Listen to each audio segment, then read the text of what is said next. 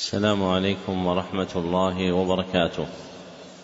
الحمد لله الذي صير الدين مراتب ودرجات وجعل للعلم به أصولا ومهمات. وأشهد أن لا إله إلا الله حقا وأشهد أن محمدا عبده ورسوله صدقا.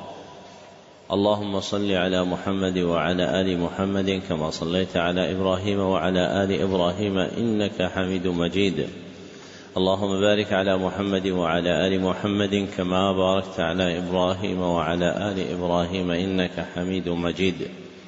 أما بعد فحدثني جماعة من الشيوخ وهو أول حديث سمعته منهم.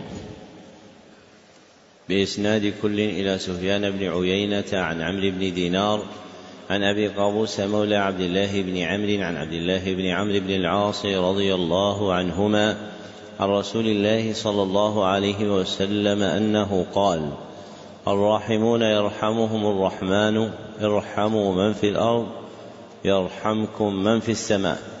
ومن آكد الرحمة رحمة المعلمين بالمتعلمين في تلقينهم أحكام الدين وترقيتهم في منازل اليقين. ومن طرائق رحمتهم إيقافهم على مهمات العلم بإقراء أصول المتون وبيان مقاصدها الكلية ومعانيها الإجمالية. ليستفتح بذلك المبتدئون تلقيهم ويجد فيه المتوسطون ما يذكرهم ويطلع منه المنتهون إلى تحقيق مسائل العلم. وهذا المجلس الثاني في شرح الكتاب الثامن من برنامج مهمات العلم في سنة السابعة سبع وثلاثين وأربعمائة وألف وهو كتاب الأربعين في مباني الإسلام وقواعد الأحكام المعروف شهرة بالأربعين النووية للعلامة يحيى بن شرف النووي رحمه الله المتوفى سنة ست وسبعين وستمائة فقد انتهى بنا البيان إلى قوله الحديث السادس والعشرون نعم. بسم الله الرحمن الرحيم. الحمد لله رب العالمين والصلاة والسلام على أشرف الأنبياء والمرسلين نبينا محمد وعلى آله وصحبه أجمعين.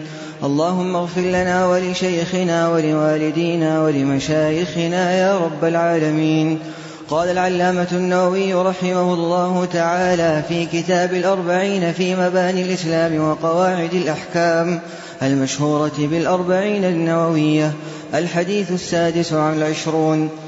عن أبي هريرة رضي الله عنه أنه قال قال رسول الله صلى الله عليه وسلم كل سلامة من الناس عليه صدقة كل يوم تطلع فيه الشمس تعدل بين اثنين صدقة وتعين الرجل في دابته فتحمله عليها أو ترفع له عليها متاعه صدقة.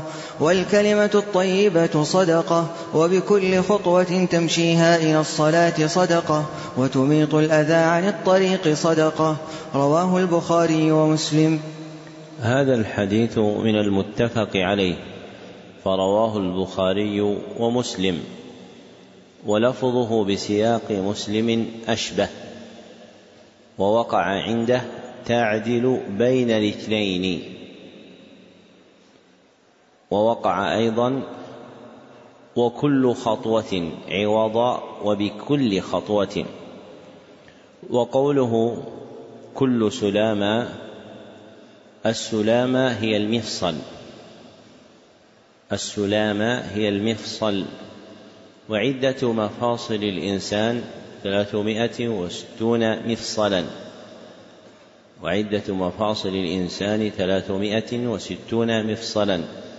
ثبت هذا في صحيح مسلم من حديث عائشة رضي الله عنها مرفوعا.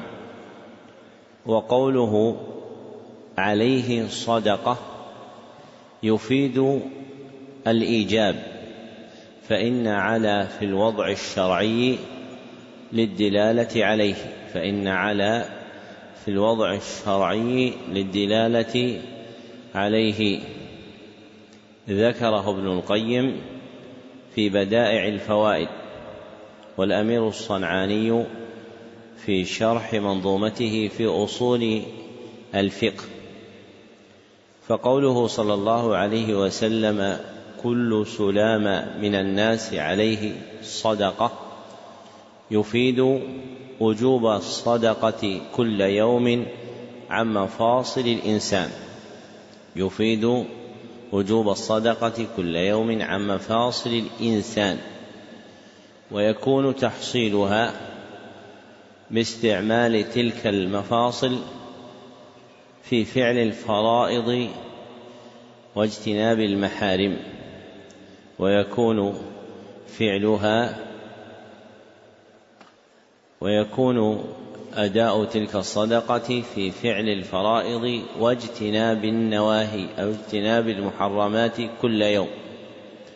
وما زاد عن ذلك فهو صدقة نافلة. وما زاد عن ذلك فهو صدقة نافلة. فالشكر المأمور به في اليوم والليلة له درجتان.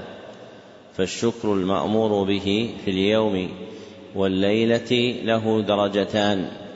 الأولى درجة واجبة. درجة واجبة. جماعها الإتيان بالفرائض واجتناب المحارم.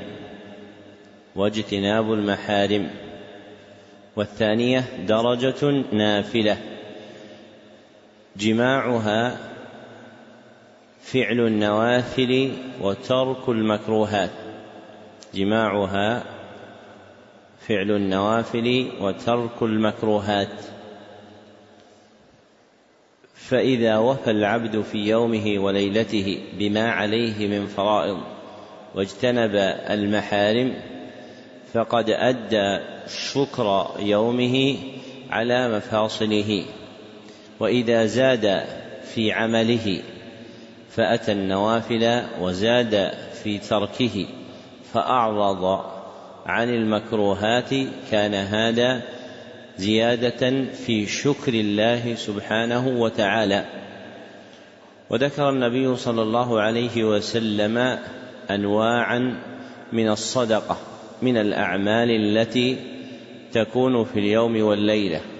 فقال كل يوم تطلع فيه الشمس تعدل بين اثنين صدقة وتعين الرجل على دابته فتحمله عليها أو ترفع لها عليها متاعه صدقة والكلمة الطيبة صدقة وبكل خطوة تمشيها إلى الصلاة صدقة وتميط الأذى عن الطريق صدقة وتقدم في الحديث السابق بيان أن الصدقة اسم جامع لكل أنواع المعروف والإحسان.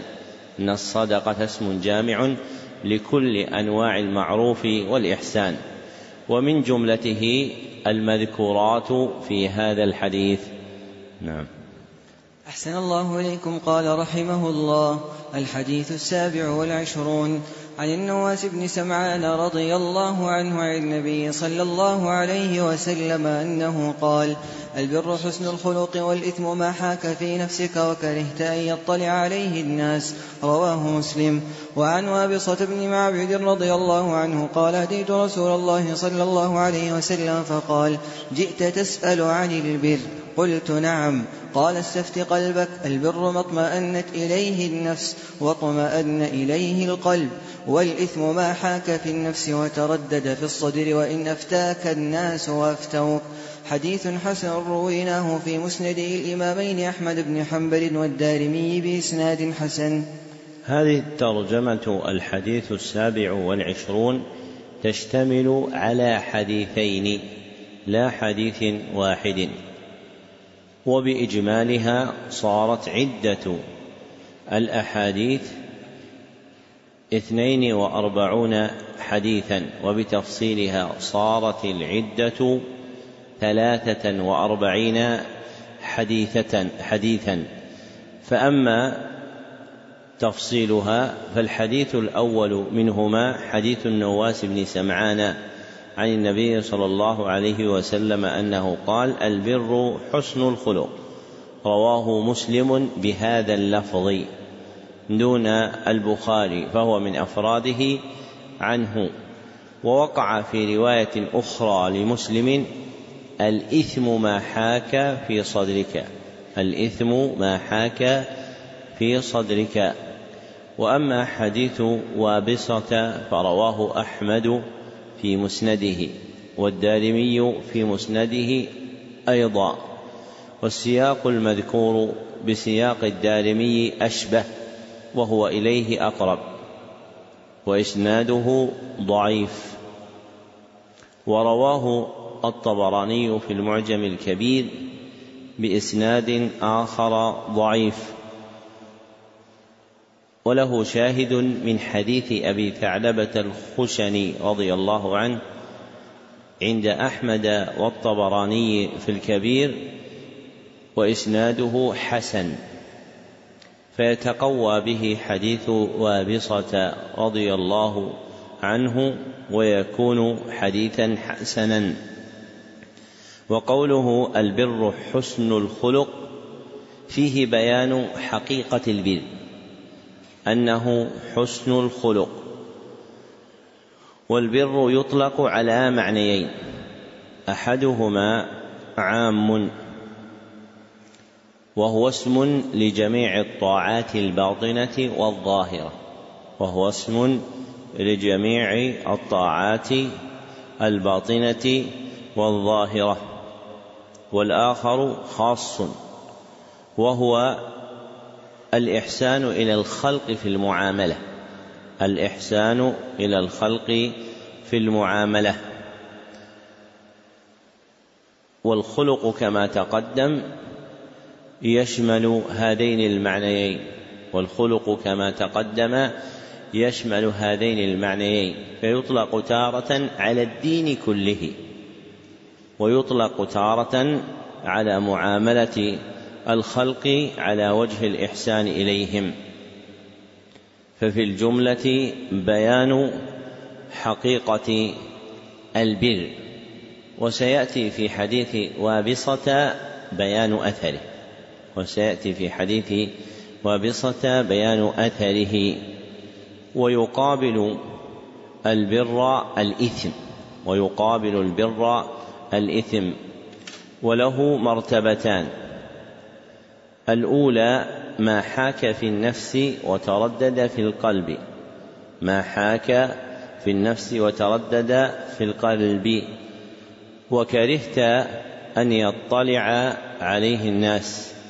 وكرهت أن يطلع عليه الناس. لاستنكارهم له. لاستنكارهم له. وهذه المرتبة مذكورة في الحديثين.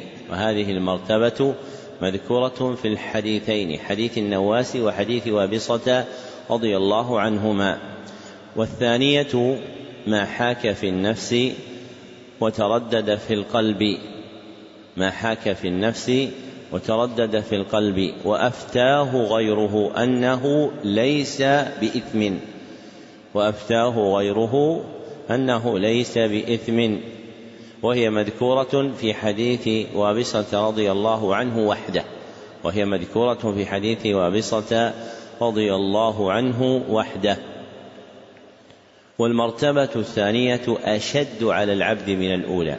والمرتبة الثانية أشد على العبد من الأولى. فإنه في الحال الأولى يجد نكرة من الناس. فإنه في الحال الأولى يجد نكرة من الناس تدعوه إلى ترك عمله. وأما في الحال الثانية فيجد فيهم من يفتيه أنه ليس إثما. وأما في الحال الثانية فيجد فيهم من يفتيه أنه ليس بإثم. وهذا الذي ذكر هو بيان للإثم باعتبار أثره وهذا الذي ذكر بيان للإثم باعتبار أثره أي ما يوجد في القلب والنفس منه أي ما يوجد في القلب والنفس منه. وأما حقيقته بالنظر إليه فإنه مربط فإنه ما بطأ صاحبه عن الخير وأخره عن الفلاح. ما بطأ صاحبه عن الخير وأخره عن الفلاح. فيكون بيان الإثم تارة بالنظر إلى حقيقته. فيكون بيان الإثم تارة بالنظر إلى حقيقته. ويكون تارة أخرى بالنظر إلى أثره. ويكون تارة أخرى بالنظر إلى أثره.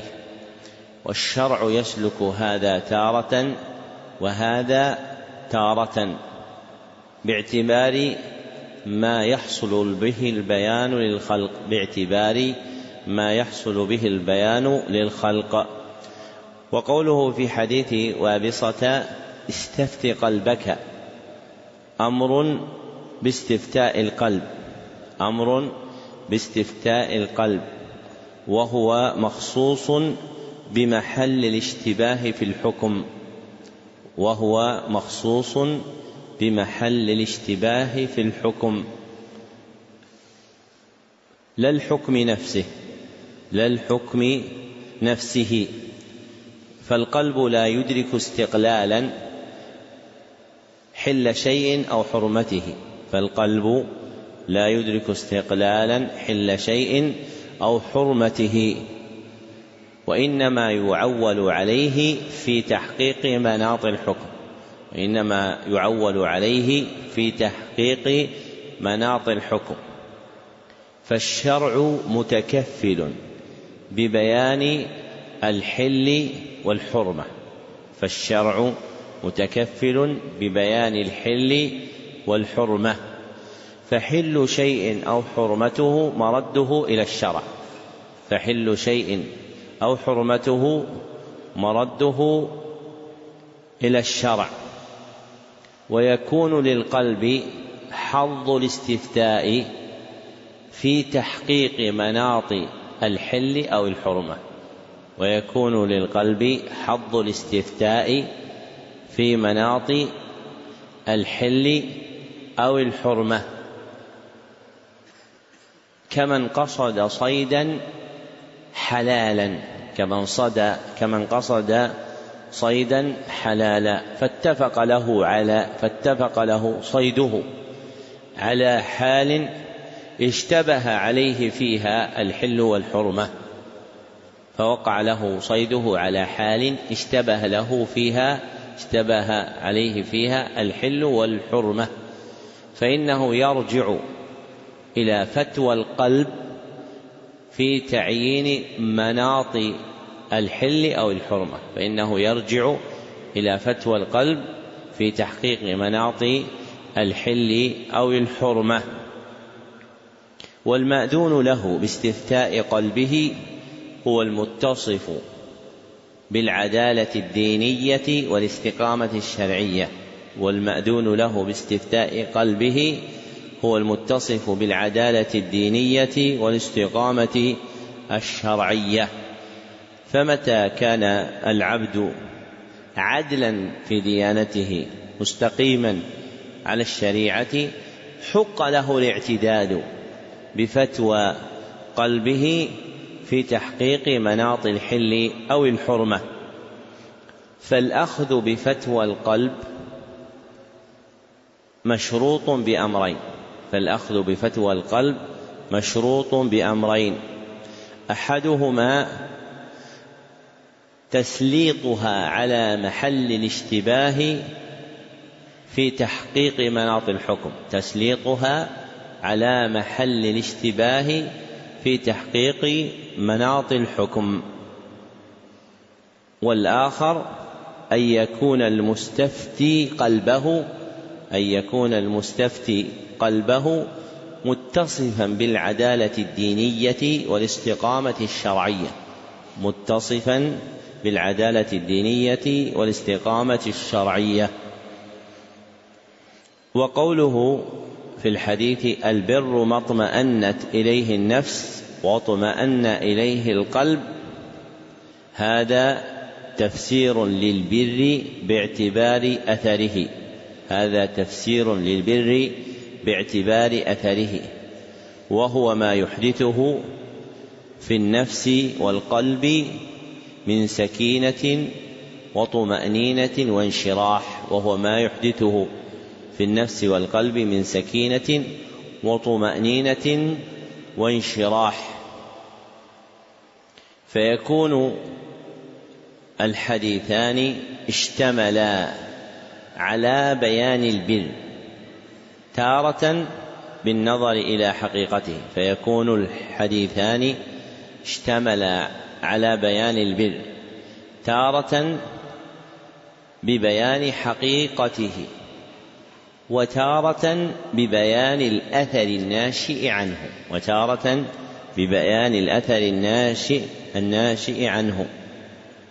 وأما الإثم فلم يأتي بيانه إلا بالنظر إلى أثره وأما الإثم فلم يأتي بيانه إلا بأثره لشدة انتفاع القلب بذلك لشدة انتفاع القلب بذلك.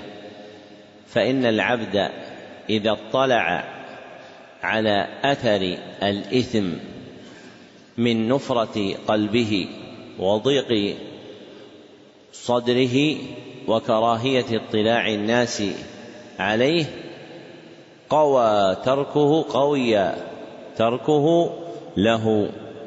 وقوله وإن أفتاك الناس وأفتوك وإن أفتاك الناس وأفتوك معناه أن ما تردد في قلبك وحاك في صدرك فهو إثم. وإن أفتاك أحد من الناس أنه ليس اسما أنه ليس إثما. وهذا مشروط بأمرين. أحدهما أن يكون المستفتي قلبه متصفا بالعدالة الدينية والاستقامة الشرعية. أن يكون المستفتي قلبه متصفا بالعدالة الدينية والاستقامة الشرعية. والآخر أن يكون مفتيه ممن عرف أنه يفتي الناس وفق أهوائهم. أن يكون مفتيه ممن عرف أنه يفتي الناس وفق أهوائهم ويجري معهم حسب رغباتهم ويجري معهم حسب رغباتهم. فإذا وجد هذان المعنيان لم يبال المستفتي بالفتوى التي قيلت له فإذا وجد هذان لم يبال المستفتي بالفتوى التي قيلت له لأن ما يجده من داعي الإثم مع استنارة قلبه وانشراح صدره أقوى من دعوى مفتيه فاحتياطه لدينه أن يعرض عن تلك الفتوى الرافعة الإثم وأن يتمسك بما يجده في قلبه من نفرة مما قيل له إنه ليس بإثم. نعم.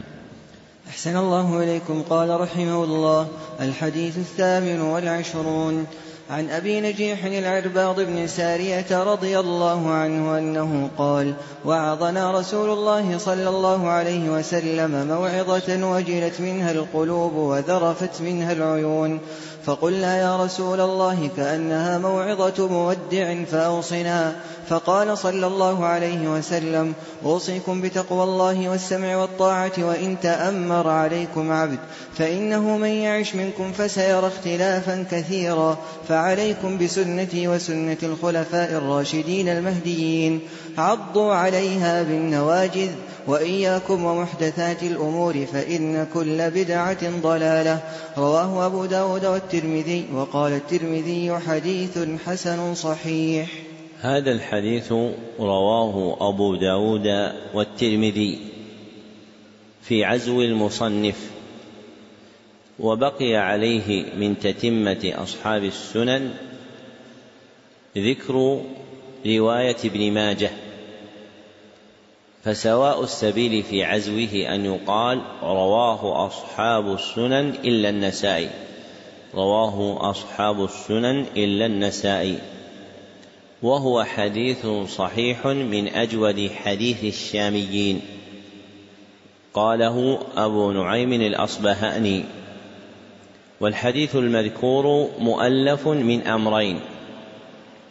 أحدهما موعظة وجلت منها القلوب وذرفت منها العيون. فكانت موعظة اكتنفها هذان الوصفان. والموعظة هو الأمر والنهي المحاط بالترغيب والترهيب. الأمر والنهي المحاط بالترغيب والترهيب ذكره ابن تيمية الحفيد وصاحبه ابن القيم وحفيده بالتلمذة أبو الفرج ابن رجب رحمهم الله. واكتنفت الموعظة المذكورة واكتنف الموعظة المذكورة وصفان. أحدهما وجل القلوب ووجل القلب رجفانه وانصداعه. رجفانه وانصداعه. لذكر من يخاف سلطانه وعقوبته أو رؤيته. لذكر من يخاف سلطانه وعقوبته أو رؤيته. ذكره ابن القيم في مدارج السالكين. ذكره ابن القيم في مدارج السالكين. والآخر ذرف العيون والآخر ذرف العيون وهو جريان الدمع منها وهو جريان الدمع منها. ولم أقف في شيء من طرق الحديث على تعيين هذه الموعظة بألفاظها ولم أقف في طرق هذا الحديث على بيان شيء من هذه الموعظة في ألفاظها. فأجمل الصحابي ذكرها واعتنى بالأهم. فأجمل الصحابي ذكرها واعتنى بالأهم. والآخر وصية أرشد فيها النبي صلى الله عليه وسلم إلى أربعة أصول. الأول تقوى الله. وتقدم أن التقوى أن تجعل بينك وبين الله ما تخشاه بامتثال خطاب الشرع. أن تجعل بينك وبين الله أن تجعل بينك وبين ما تخشاه وقاية بامتثال خطاب الشرع. فتكون تقواك الله جعلك تلك الوقاية خشية منه فتكون تقواك الله. جعلك تلك الوقاية خشية منه بامتثال خطاب شرعه. والثاني السمع والطاعة لمن ولاه الله أمرنا. ولو كان المتأمر عبدا مملوكا يأنف الأحرار حال الاختيار من ولايته عليهم. يأنف الأحرار حال الاختيار من ولايته عليهم فلا ينقادون له.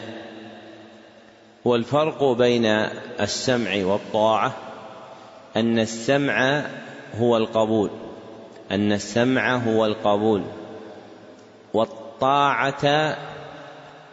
هو الانقياد هي الانقياد. والطاعة هي الانقياد.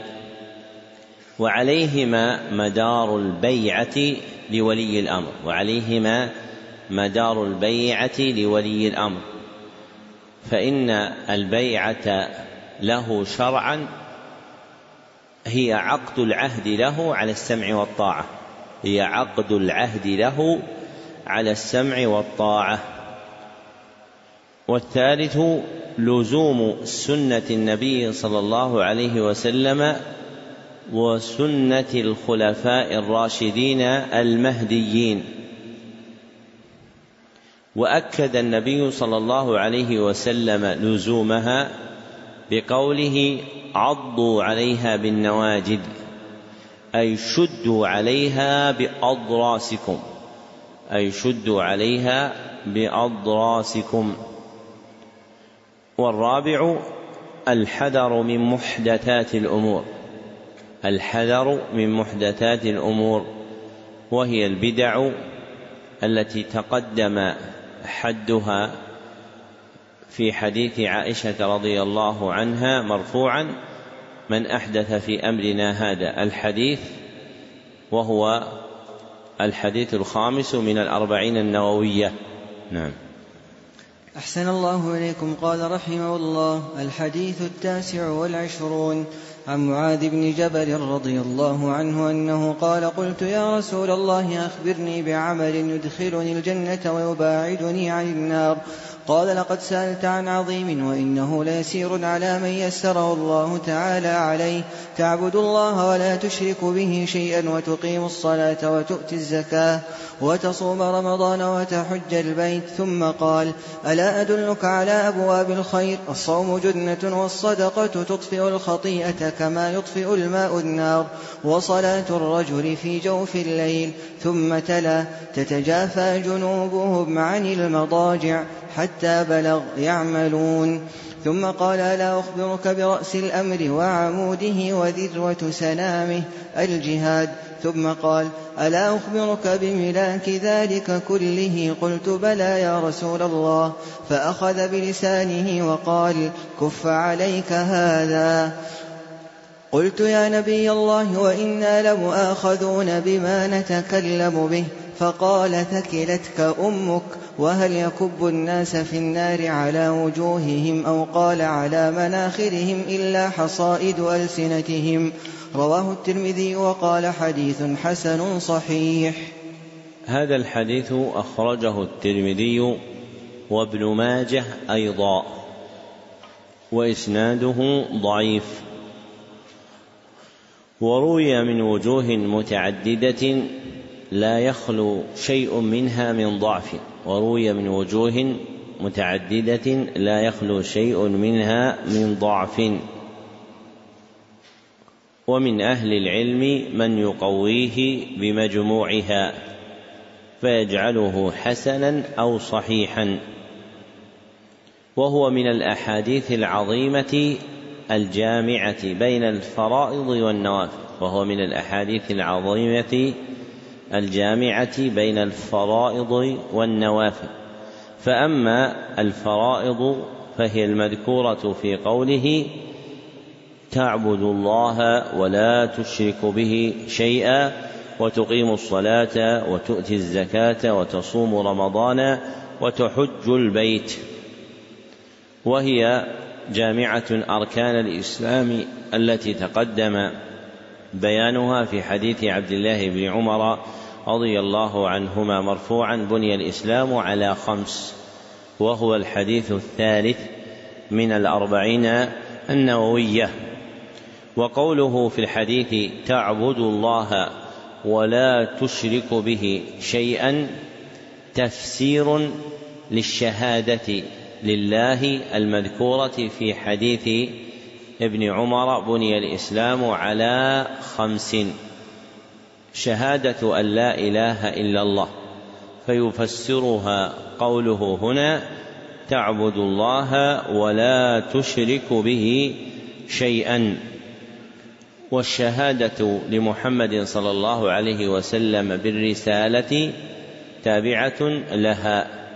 فإن من زعم أنه يعبد الله ولا يشرك به شيئا ولا يشهد لمحمد صلى الله عليه وسلم بالرسالة فإنه كاذب في دعواه فاستغني في الحديث عن ذكر ما يتعلق بالشهادة لمحمد صلى الله عليه وسلم بالرسالة لأن تحقيق عبادة الله لا يكون إلا بها مع الشهادة لله بالوحدانية لأن تحقيق العبادة لله لا يكون إلا بها مع الشهادة لله بالوحدانية.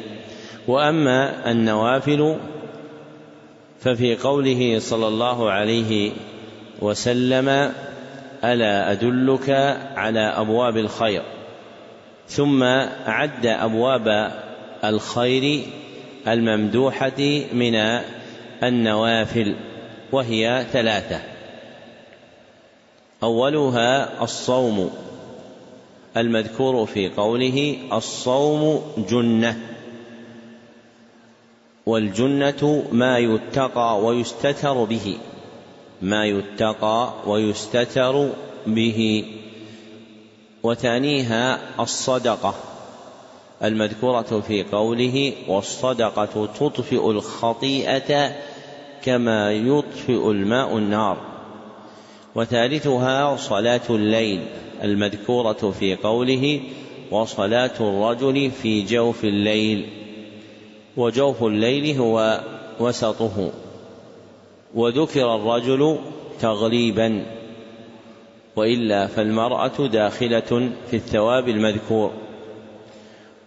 وقرأ النبي صلى الله عليه وسلم الآية عقب ذكر صلاة الليل للدلالة على جزاء أهلها. وذكر النبي صلى وقرأ النبي صلى الله عليه وسلم الآية عقب صلاة الليل للدلالة على جزاء أهلها.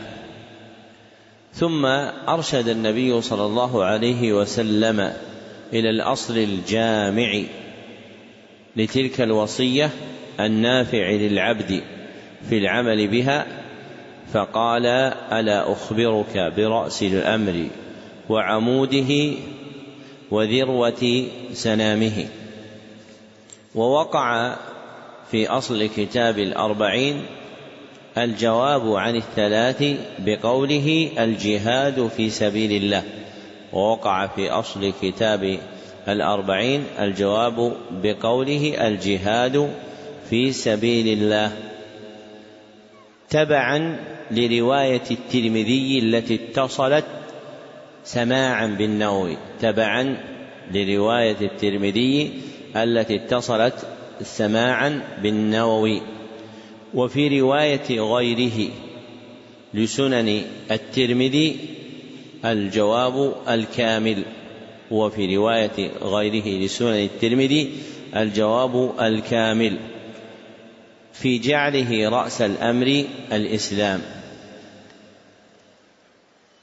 وعموده الصلاة وذروة سنامه الجهاد. وهذه الرواية هي المحفوظة في الحديث. وهذه الرواية هي المحفوظة في الحديث. وفيها ذكر ثلاثة أصول.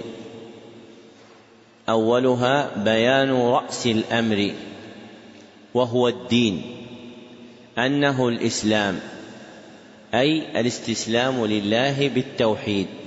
أي الاستسلام لله بالتوحيد.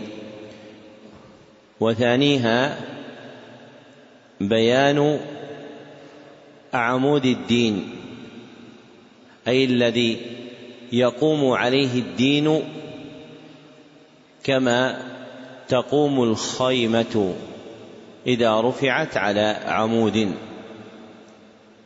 وهو الصلاة. وثالثها بيان سنام بيان ذروة سنام الدين وهو الجهاد في سبيل الله.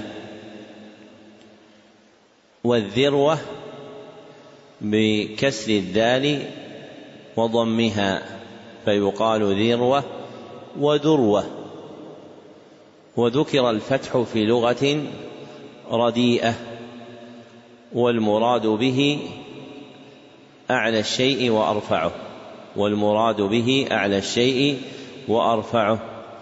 ثم بين النبي صلى الله عليه وسلم ملاك الأمر كله فقال ألا أخبرك بملاك ذلك كله؟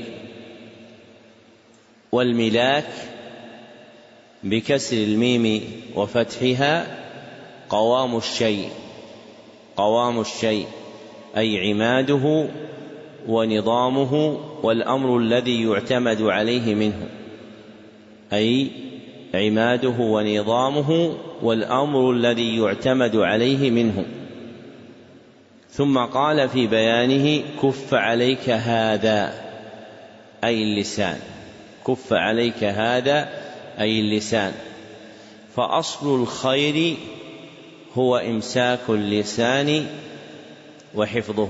فأصل الخير هو إمساك اللسان وحفظه.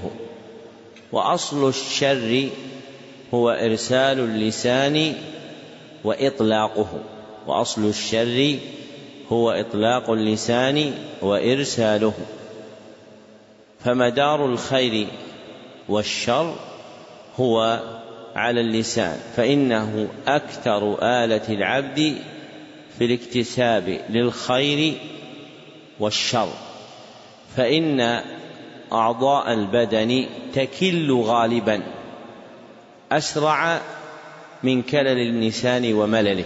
فإن أعضاء البدن تكل غالبا أسرع من كلل اللسان وملله. وقوله ثكلتك أمك أي فقدتك. وقوله ثكلتك أمك أي فقدتك. وهذه كلمة تجري على اللسان عند العرب لا يراد بها حقيقتها. هذه كلمة تجري على اللسان عند العرب لا يراد بها حقيقتها. ومقصودهم تعظيم الأمر المذكور معها. ومقصودهم تعظيم الأمر المذكور معها. وقوله وهل يكب الناس في النار على وجوههم؟ الحديث أن يطرح الناس على وجوههم. فالكب هو الطرح. فالكب هو الطرح. أو قال على مناخرهم أي أنوفهم. أو قال على مناخرهم أي أنوفهم. إلا حصائد ألسنتهم والحصائد جمع حصيدة وهي كل شيء قيل في الناس باللسان وقطع به عليه وهي كل شيء قيل على الناس قيل في الناس باللسان وقطع عليهم به كل شيء قيل في الناس باللسان وقطع عليهم به. ذكره ابن فارس في مقاييس اللغة. فالمحظور المحذر منه في الحديث لا يراد به جميع أفراد ما يجري به اللسان بل يراد به شيء مخصوص وهو إرسال اللسان في الحكم على الناس والقطع عليهم بما يقطع به المتكلم. فهذا أكثر شيء يطرح الناس على وجوههم ومناخرهم. ومن أمعن بعين البصيرة في حال السلف رحمهم الله وجد عظيم رغبتهم في الصمت وقلة كلامهم حتى يعد أحدهم كلامه من الجمعة إلى الجمعة لاحتراسهم من أن يتكلموا بكلمة تهوي بأحدهم في نار جهنم أبعد ما بين المشرق والمغرب. فلما عظم خوف قلوبهم أمسكوا ألسنتهم. ولما قل خوف قلوبنا أرسلنا ألسنتنا. لا نبالي في أي واد تكون تلك الألسنة مرسلة فهي تنتقل من سوء إلى سوء ومن شر إلى شر. ولا يكاد يردها خطام ولا زمام.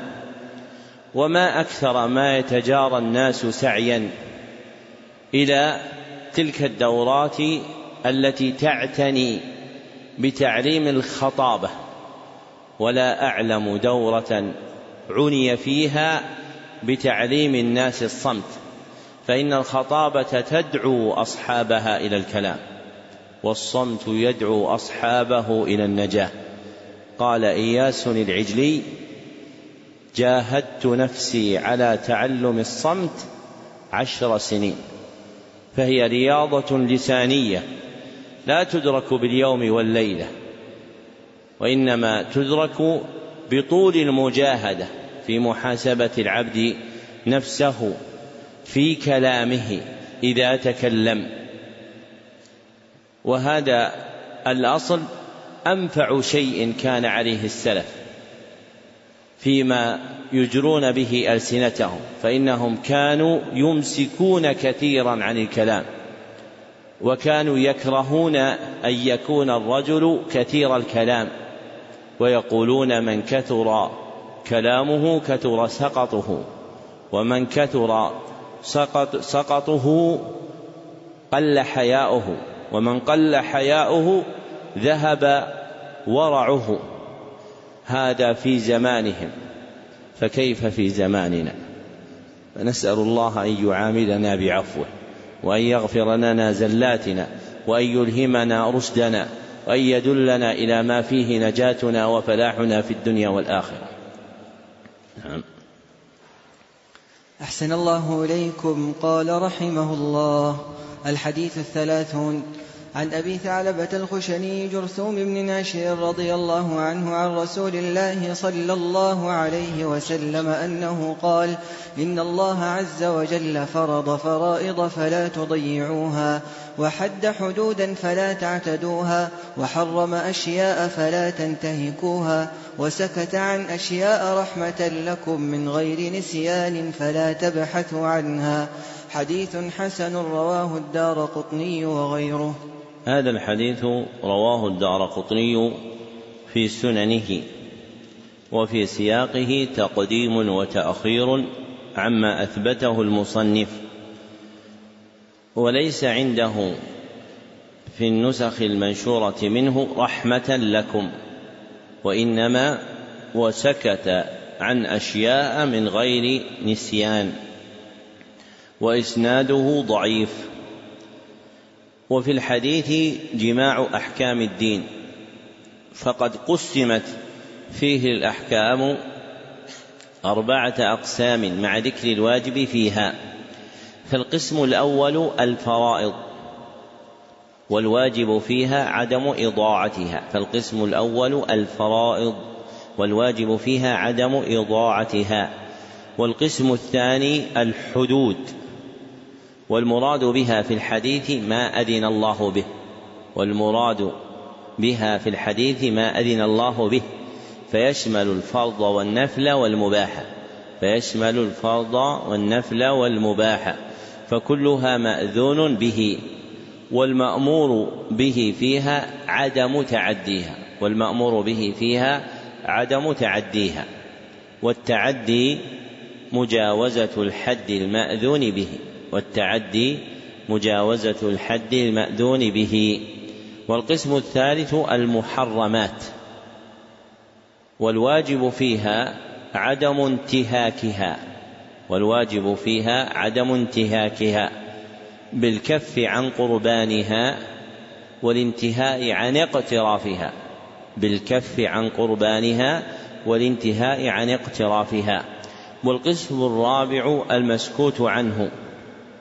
وهو ما لم يذكر حكمه خبرا أو طلبا. وهو ما لم يذكر حكمه خبرا أو طلبا. فهو مما عفى الله عنه. فهو مما عفى الله عنه. والواجب فيها عدم البحث عنها.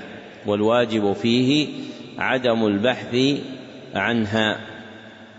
وقوله في الحديث وسكت عن أشياء فيه إثبات صفة السكوت لله فيه إثبات صفة السكوت لله والإجماع منعقد على ذلك والإجماع منعقد على ذلك. نقله ابن تيمية الحفيد. ومعنى السكوت الإلهي عدم إظهار الحكم عدم إظهار الحكم. فالحكم الإلهي يكتنفه شيئان. يكتنفه شيئان. أحدهما إظهار الحكم ويسمى تبيينا. إظهار الحكم ويسمى تبيينا. والآخر عدم إظهار الحكم ويسمى سكوتا. عدم إظهار الحكم ويسمى سكوتا. نعم. أحسن الله إليكم. قال رحمه الله الحديث الحادي والثلاثون عن أبي العباس سهل بن سعد الساعدي رضي الله عنه أنه قال جاء رجل إلى النبي صلى الله عليه وسلم فقال يا رسول الله دلني على عمل إذا أنا عملته أحبني الله وأحبني الناس. فقال صلى الله عليه وسلم ازهد في الدنيا يحبك الله وازهد فيما عند الناس يحبك الناس. حديث حسن رواه ابن ماجه وغيره بأسانيد حسنة. هذا الحديث أخرجه ابن ماجه وأوله عنده أتى النبي صلى الله عليه وسلم رجل وأوله عنده أتى النبي صلى الله عليه وسلم رجل فقال الحديث. وإسناده ضعيف جدا. وروي من وجوه أخرى لا يثبت منها شيء. وروي من وجوه أخرى لا يثبت منها شيء. فتحسين الحديث بعيد جدا. فتحسين الحديث بعيد جدا. فهو من جهة الرواية لا يثبت. وأما من جهة الدراية المتعلقة بمعناه فأصول الشرع وقواعده تصدقه. وأما من جهة الدراية المتعلقة بمعناه فأصول الشرع وقواعده تصدقه. والزهد في الدنيا شرعا الرغبة عما لا ينفع في الآخرة. الرغبة عما لا ينفع في الآخرة. ويندرج في هذا الوصف أربعة أشياء. ويندرج في هذا الوصف أربعة أشياء. أولها المحرمات. وثانيها المكروهات. وثالثها المشتبهات لمن لا يتبينها. المشتبهات لمن لا يتبينها. ورابعها فضول المباحات. وهي ما زاد على حاجة العبد منها. وهي ما زاد على حاجة العبد منها. فمدار ما يزهد فيه ما يرجع إلى واحد من هذه الأربعة فمدار ما يزهد فيه هو ما يرجع إلى واحد من هذه الأربعة. ومن الزهد في الدنيا الزهد فيما بأيدي الناس. ومن الزهد في الدنيا الزهد فيما بأيدي الناس. وفرق بينهما في الحديث وفرق بينهما في الحديث لاختلاف الثمرة الناشئة لاختلاف الثمرة الناشئة من كل. فمن زهد في الدنيا أحبه الله فمن زهد في الدنيا أحبه الله ومن زهد فيما عند الناس أحبه الناس.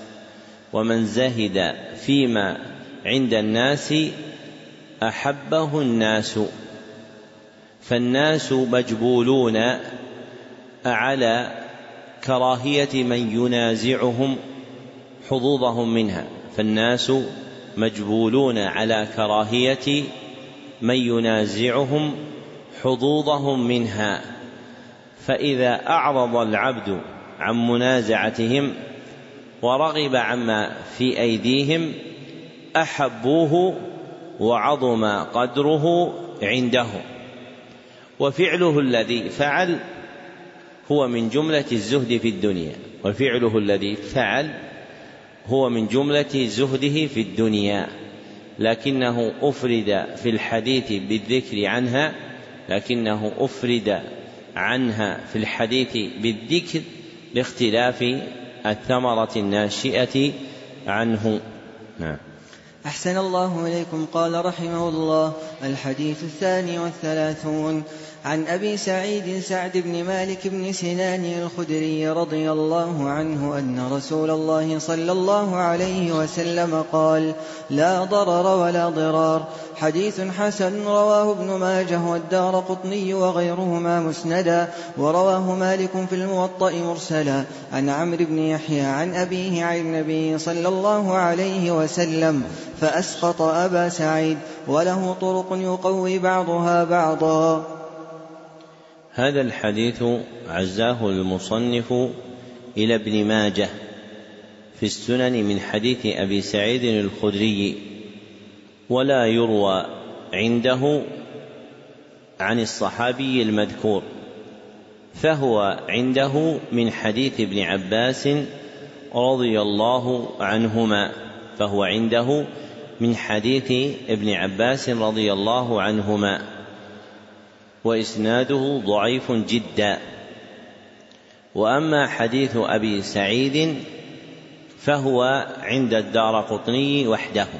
أما حديث أبي سعيد الخدري رضي الله عنه فهو عند الدار قطني وحده. ولا يثبت موصولا. فالمحفوظ فيه المرسل الذي رواه مالك في الموطأ عن عمرو بن يحيى عن أبيه عن النبي صلى الله عليه وسلم وتقدم أن المرسل حديث ضعيف وأشرت إلى حده وحكمه في بيت واحد ما هو؟ نعم. يا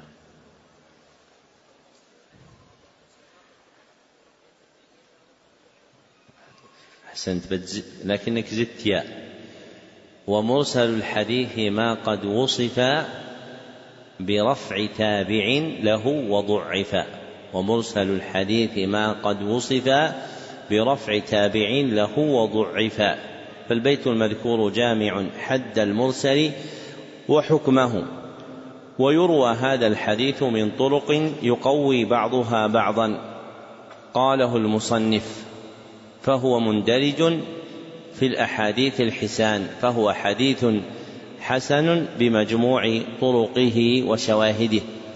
وفي الحديث المذكور نفي أمرين. وفي الحديث المذكور نفي أمرين. أحدهما الضرر قبل وقوعه. الضرر قبل وقوعه. فيدفع بالحيلولة دونه. فيدفع بالحيلولة دونه. والآخر الضرر بعد وقوعه فيرفع بإزالته. الضرر بعد وقوعه فيرفع بإزالته. فقوله صلى الله عليه وسلم لا ضرر ولا ضرار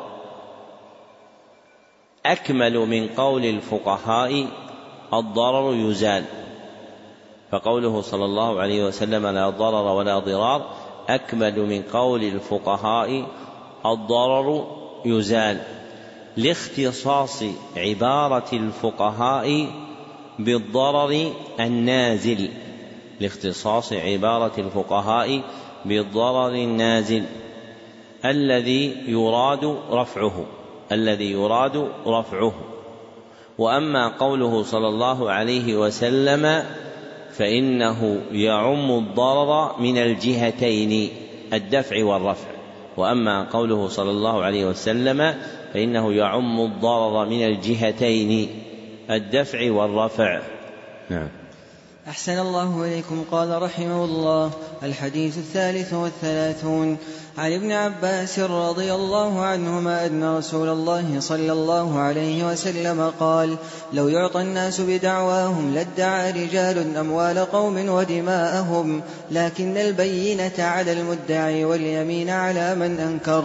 حديث حسن رواه البيهقي وغيره هكذا وأصله في الصحيحين. هذا الحديث رواه البيهقي في السنن الكبرى وهو بهذا اللفظ غير محفوظ. فيثبت من حديث ابن عباس رضي الله عنهما بلفظ لو يعطى الناس بدعواهم لو يعطى الناس بدعواهم لادعى ناس دماء رجال وأموالهم. لادعى ناس دماء رجال وأموالهم. ولكن اليمين على المدعى عليه. ولكن اليمين على المدعى عليه. متفق عليه واللفظ لمسلم. وليس عندهما أن البينة على المدعي. وليس عندهما أن البينة على المدعي وهو عندهما بلفظ مختصر أن النبي صلى الله عليه وسلم قضى باليمين على المدعى عليه وهو عندهما بلفظ مختصر أن النبي صلى الله عليه وسلم قضى أن اليمين على المدعى عليه. وفي الحديث بيان ما تحسم به المنازعات. بيان ما تحسم به المنازعات ويفصل بين الخصومات وهو جعل البينة على المدعي وهو جعل البينة على المدعي وجعل اليمين على من أنكر وجعل اليمين على من أنكر وهو المدعى عليه وهو المدعى عليه والمدعي هو المبتدئ بالدعوى المطالب بها. والمدعي هو المبتدئ بالدعوى المطالب بها. وضابطه عند الفقهاء من إذا سكت ترك. وضابطه عند الفقهاء من إذا سكت ترك. لأنه صاحب المطالبة والادعاء. لأنه صاحب المطالبة والادعاء. وأما المدعى عليه فهو الذي وقعت عليه الدعوى فهو الذي وقعت عليه الدعوى وضابطه عند الفقهاء من إذا سكت لم يترك. وضابطه عند الفقهاء من إذا سكت لم يترك. فانقطاعه بالسكوت لا يبرئه من المطالبة فانقطاعه بالسكوت لا يبرئه من المطالبة. والبينة اسم لكل ما يظهر به الحق ويبين. والبينة اسم لكل ما يظهر به الحق ويبين. واليمين هي الحلف والقسم واليمين هي الحلف والقسم. وفي الحديث أن اليمين على أن البينة على المدعي. وفي الحديث أن البينة على المدعي. وأن اليمين على من أنكر دعواه. وأن اليمين على من أنكر دعواه. وليس الأمر كذلك بإطلاق وليس الأمر كذلك بإطلاق.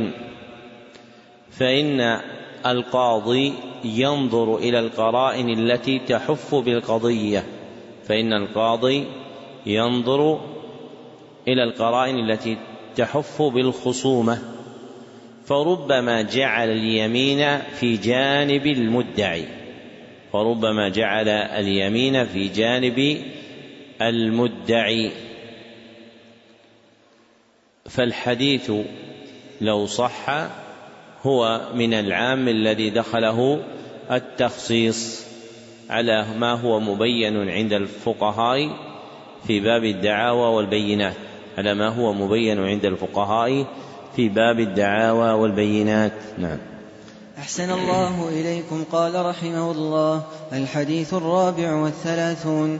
عن أبي سعيد الخدري رضي الله عنه أنه قال سمعت رسول الله صلى الله عليه وسلم يقول من رأى منكم منكرا فليغيره بيده فإن لم يستطع فبلسانه فإن لم يستطع فبقلبه وذلك أضعف الإيمان. رواه مسلم.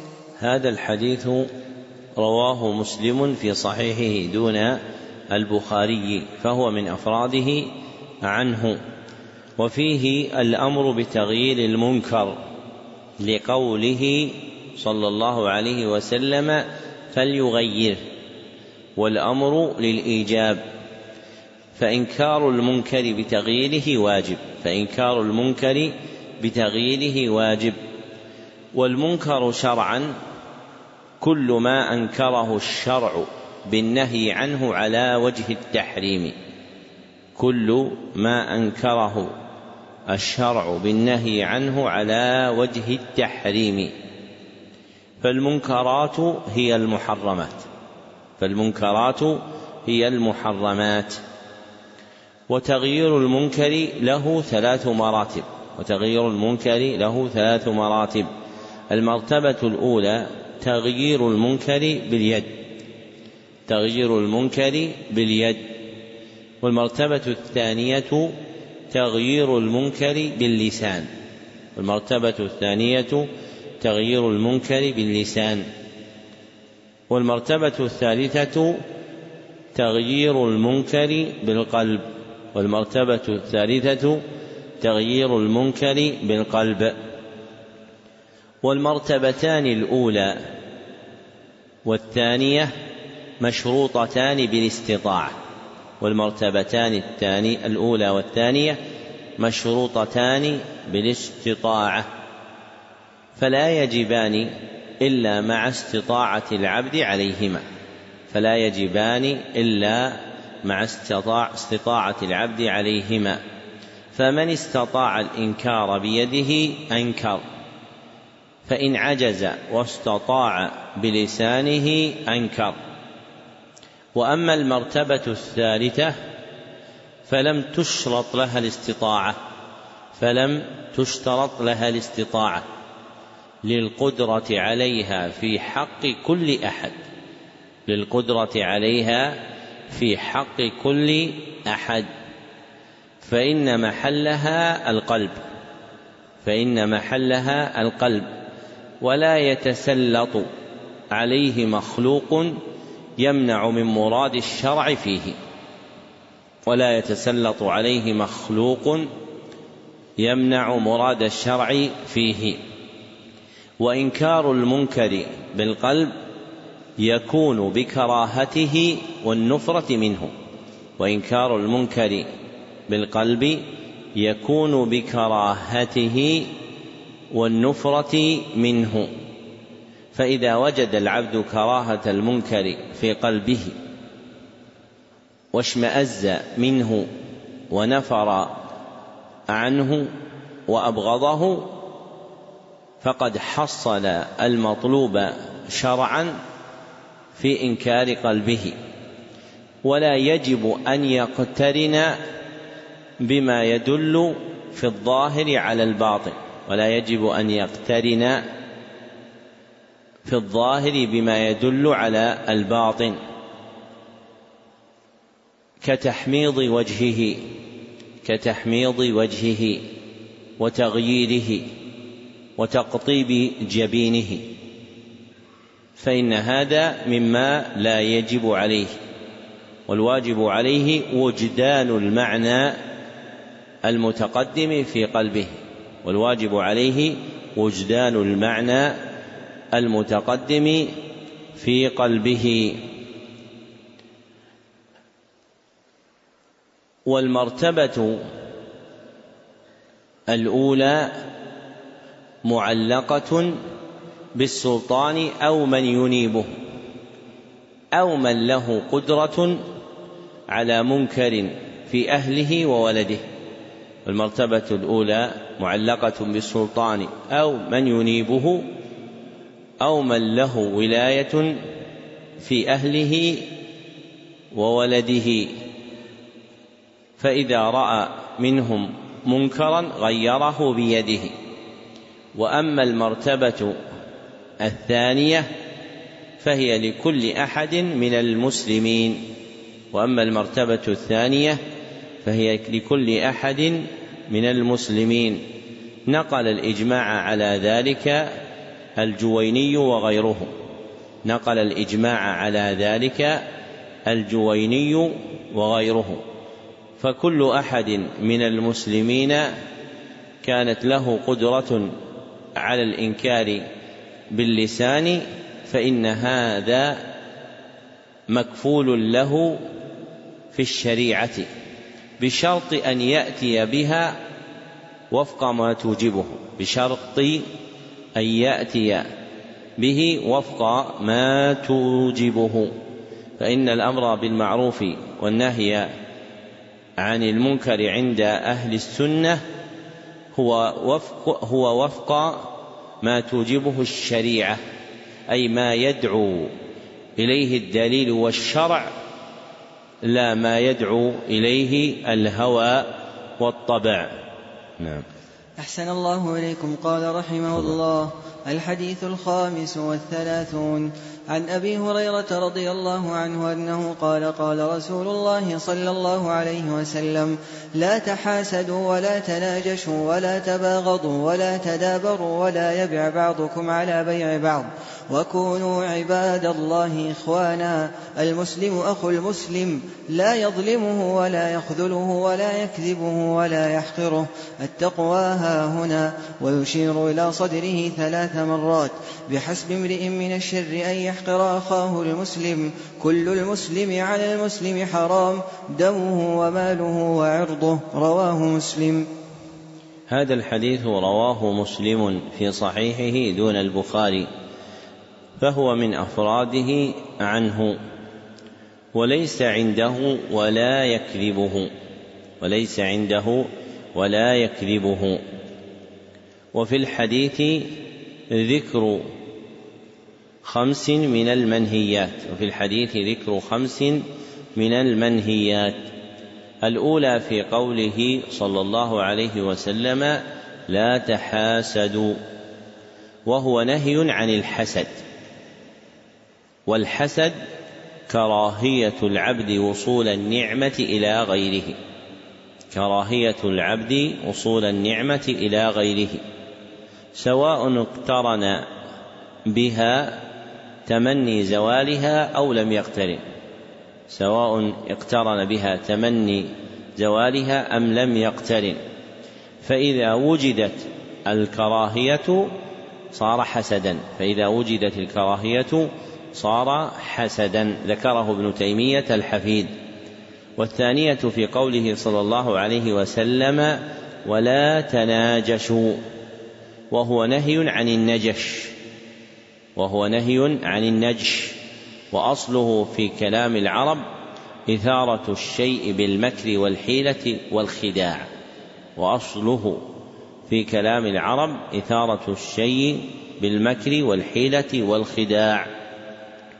فالحديث نهي عن تحصيل المطالب بالحيل والخدع فالحديث نهي عن تحصيل المطالب بالحيل والخدع ومن أفراده النجش المعروف في البيع ومن أفراده النجش المعروف في البيع وهو الزيادة في ثمن السلعة ممن لا يريد شراءه وهو الزيادة في ثمن السلعة ممن لا يريد شراءها ليرتفع ثمنها ليرتفع ثمنها.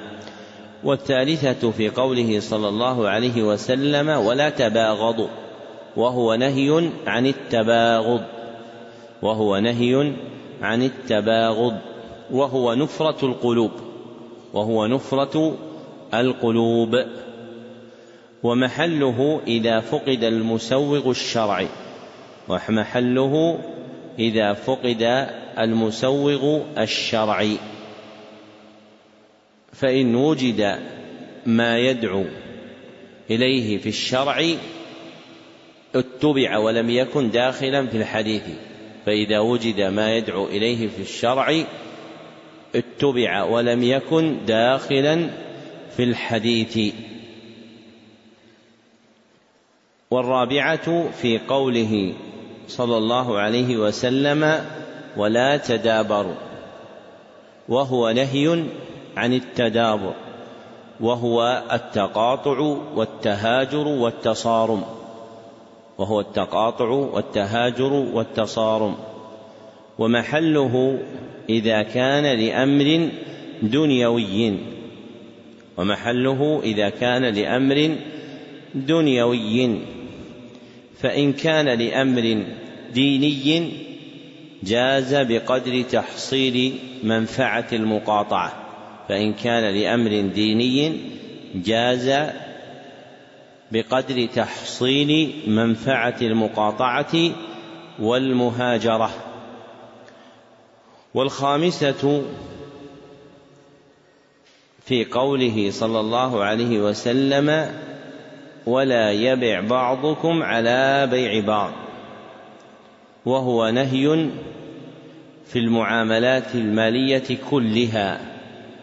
على اختلاف عقودها أن يتقدم العبد على صفقة أخيه في البيع أن يتقدم العبد على صفقة أخيه في البيع. ثم أتبع النبي صلى الله عليه وسلم هؤلاء المنهيات بأمر فقال وكونوا عباد الله إخوانا وكونوا عباد الله إخوانا. وهذه الجملة تحتمل معنيين. أحدهما أنه إنشاء لا تراد به حقيقته. أنه إنشاء لا تراد به حقيقته. بل يراد به الخبر. بل يراد به الخبر. وأنكم إذا فعلتم ذلك مما تقدم وأنكم إذا فعلتم ذلك مما تقدم كنتم عبادا لله إخوانا فيه. كنتم عبادا لله إخوانا فيه. والآخر أنه إنشاء تراد به حقيقته فهو أمر بعقد الأخوة الدينية فهو أمر بعقد الأخوة الدينية. بين المؤمنين وتحصيل الوسائل المؤدية المؤدية إليها وتحصيل الوسائل المؤدية إليها. ثم بين النبي صلى الله عليه وسلم ما تنعقد من تنعقد معه الأخوة الدينية فقال المسلم أخو المسلم. ثم بين النبي صلى الله عليه وسلم من تنعقد معه الأخوة الدينية فقال المسلم أخو المسلم. ثم بين حق المسلم على أخيه. ثم بين حق المسلم على أخيه. فقال لا يظلمه ولا يخذله ولا يكذبه ولا يحقره. ثم قال صلى الله عليه وسلم التقوى ها هنا. ويشير إلى صدره ثلاث مرات أي أصل التقوى في القلوب أي أصل التقوى في القلوب ومستقر القلب الصدر ومستقر القلب الصدر. فإذا عمر بها القلب فإذا عمر بها القلب استنار الصدر وظهرت آثارها على الجوارح. فإذا عمر بها القلب استنار الصدر فظهرت آثارها على الجوارح. ومنزلة هذه الجملة من الحديث ذكر ما يندفع به عن النفس تحقير الخلق. ومنزلة هذه الجملة من الحديث ذكر ما يندفع به عن النفس تحقير الخلق. بأن يعلم العبد بأن يعلم العبد بأن مدار الأمر على صلاح الباطن بأن يعلم العبد أن مدار الأمر على صلاح الباطن فلا اعتبار بالصورة الظاهرة فقط فلا اعتبار بالصورة الظاهرة فقط. ومتى علم العبد أن الناس يعدلون ببواطنهم؟ لم تتجرأ نفسه على الترفع عليهم واحتقارهم.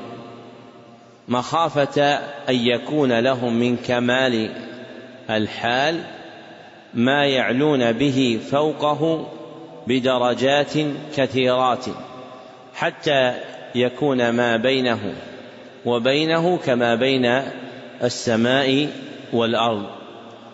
ثم قال صلى الله عليه وسلم محذرا من احتقار المسلم بحسب امرئ من الشر أن يحقر أخاه المسلم أن يكفيه من الشر أن يكون محتقرا لأخيه المسلم. وختم صلى الله عليه وسلم بما يرضع المجرم من التعدي على المسلم فقال كل المسلم على المسلم حرام دمه وماله وعرضه. ثم ختم النبي صلى الله عليه وسلم بما يردع المجرم عن المسلم فقال كل المسلم على المسلم حرام دمه وماله وعرضه. نعم. أحسن الله إليكم. قال رحمه الله الحديث السادس والثلاثون. عن أبي هريرة رضي الله عنه عن النبي صلى الله عليه وسلم أنه قال من نفس عن مؤمن كربة من كرب الدنيا نفس الله عنه كربة من كرب يوم القيامة. ومن يسر على معسر يسر الله عليه في الدنيا والآخرة. ومن ستر مسلما ستره الله في الدنيا والآخرة. والله في عون العبد ما كان العبد في عون أخيه. ومن سلك طريقا يلتمس فيه علما سهل الله له به طريقا إلى الجنة.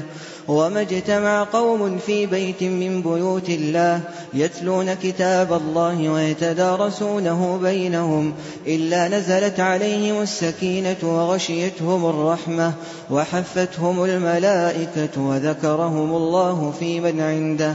ومن بطأ به عمله لم يسرع به نسبه.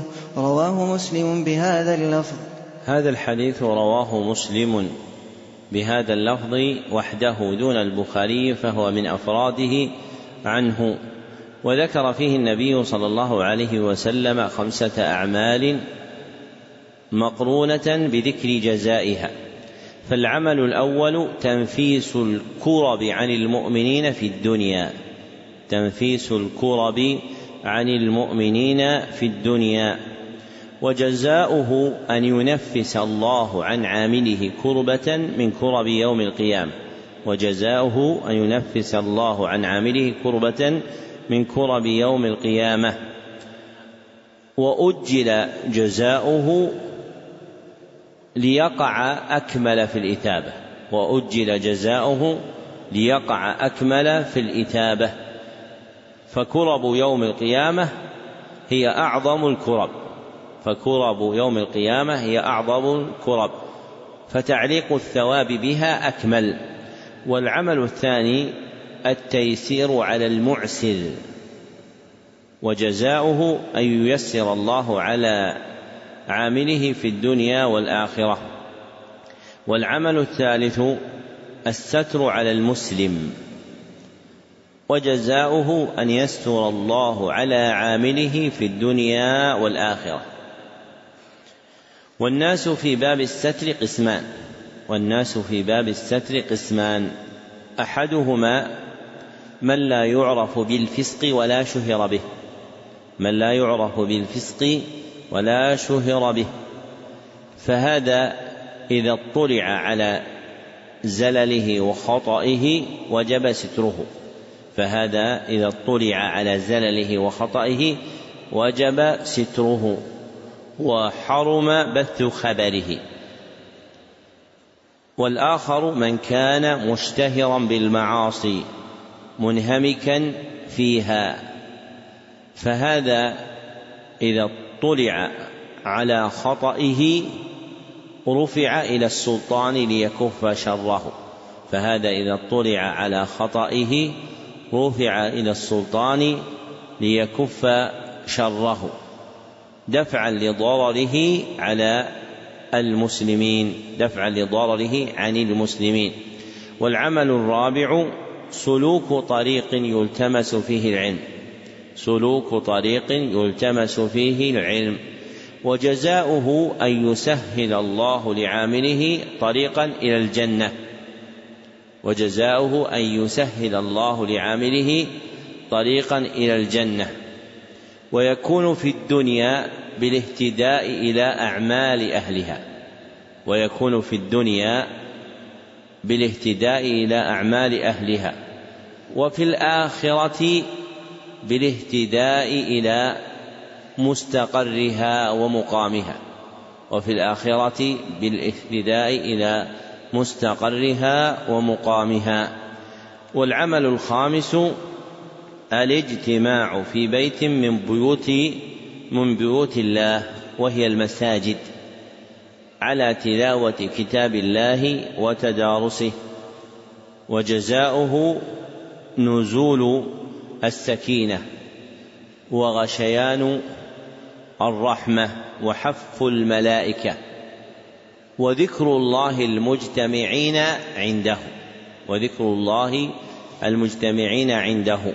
ثم ختم النبي صلى الله عليه وسلم بقوله ومن بطأ به عمله لم يسرع به نسبه.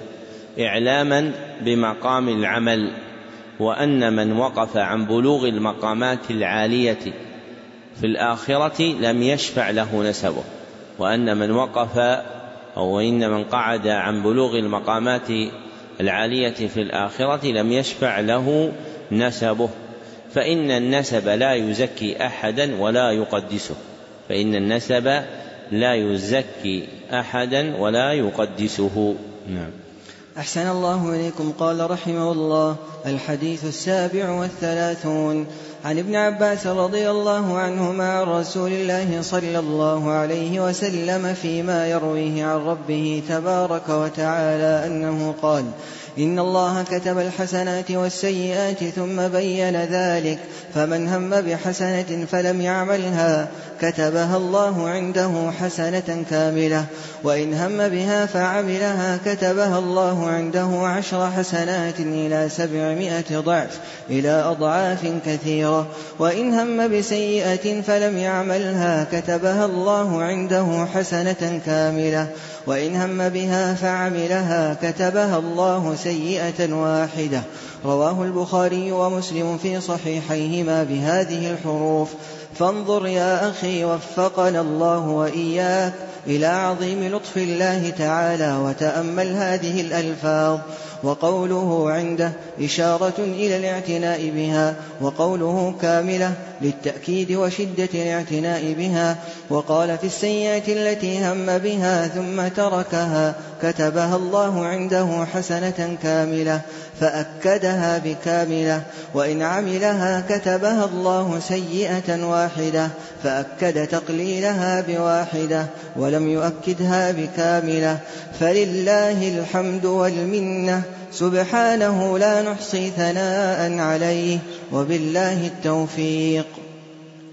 هذا الحديث رواه البخاري ومسلم بهذا اللفظ فهو من المتفق عليه. وقوله فيه إن الله كتب الحسنات والسيئات أي كتب ذلك قدرا لا شرعا. أي كتب ذلك قدرا لا شرعا. لأن المكتوب شرعا هو الحسنات فهي المطلوبة من العبد. والكتابة القدرية للحسنات والسيئات تشمل أمرين والكتابة القدرية للحسنات والسيئات تشمل أمرين. أحدهما كتابة عمل الخلق لهما. كتابة عمل الخلق لهما. والآخر كتابة ثوابهما. كتابة ثوابهما وتعيينه. وكلاهما حق.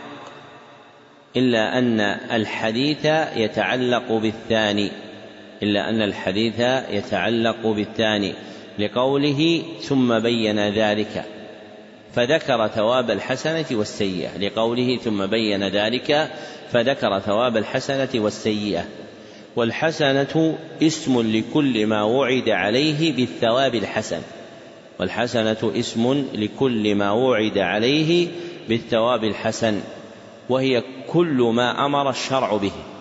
وهي كل ما أمر الشرع به.